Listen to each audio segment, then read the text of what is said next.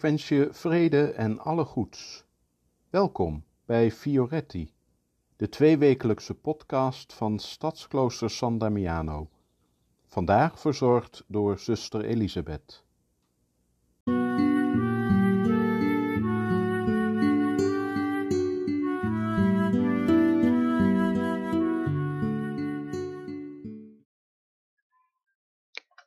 Woestijntijd. We zijn in de veertig dagen tijd aanbeland, ook wel vastentijd genoemd. Een periode van veertig dagen van vasten en bezinning, waarin we ons voorbereiden op het komende paasfeest. Deze veertig dagen worden ook wel vergeleken met een woestijntijd.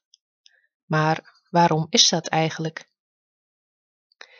In de Bijbel lezen we in het Oude Testament dat het onderdrukte volk Israël veertig jaar door de woestijn trok, op weg naar het door God beloofde land.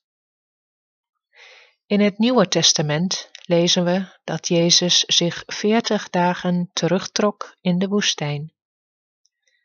Hij leefde in die dagen onthecht van alles en iedereen zodat hij zich helemaal kon openstellen voor de kracht van God en de boodschap van Gods liefde. Laten we de woestijn wat verder verkennen. In de woestijn word je op jezelf teruggeworpen. Er is kaalte, dorheid. Zonder basisvoeding houd je het er niet lang vol. De hitte kan je doen bevangen Uitzichtloos kan het zijn. Maar de woestijn heeft ook andere eigenschappen. Zo is er ruimte. Zijn er vergezichten die kortstondige prikkels op afstand houden? Kan het diepe verlangen een oase te vinden je gaande houden? Overbodige ballast laat je al gauw achter je. Je waardeert je reisgenoten omdat je niet zonder ze kunt. Vreemden worden eerder vrienden. En zo brengt de woestijn je bij dood en leven.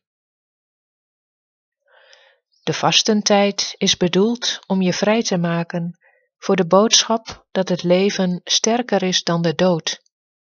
En dat mogen we met Pasen gaan vieren. Deze blijde boodschap is zo indringend en gaat het menselijk bevattingsvermogen zo te boven, dat er een lange periode voor nodig is om je deze boodschap enigszins eigen te kunnen maken. Het is goed om op deze weg reisgenoten te hebben, die je kunnen steunen bij de weg die je gaat in deze veertig dagen tijd. Dat hebben Franciscus en Clara van Assisi ook al ervaren. Zo hield Franciscus Clara in de gaten als haar vasten een te ongezonde vorm aannam en sprak haar daarop aan.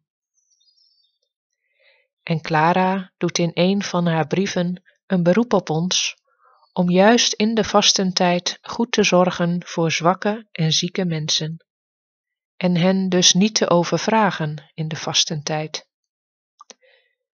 Zo is het belangrijk dat een ieder de juiste maat van vasten vindt. Clara en Franciscus maken ons duidelijk dat we elkaar nodig hebben op de tocht door de woestijn. We zorg voor elkaar moeten dragen en dat onze manier van vasten een vruchtbare uitwerking dient te hebben en niet destructief mag zijn.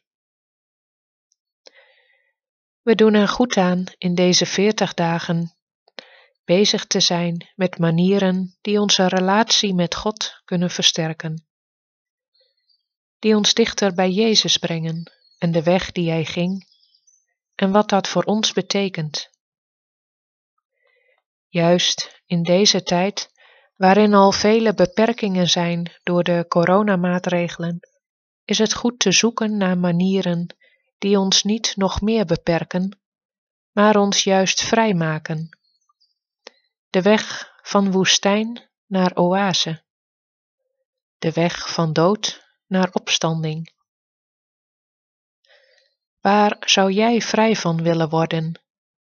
En wat is daar helpend bij? Wat voedt jouw relatie met God?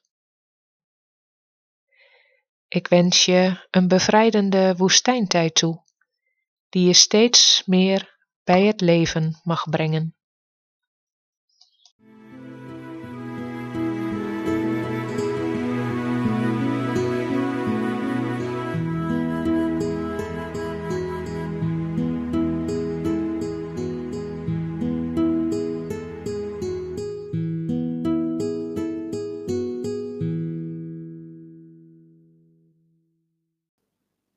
Bedankt voor het luisteren. Tot over twee weken en tot die tijd vrede en alle goeds.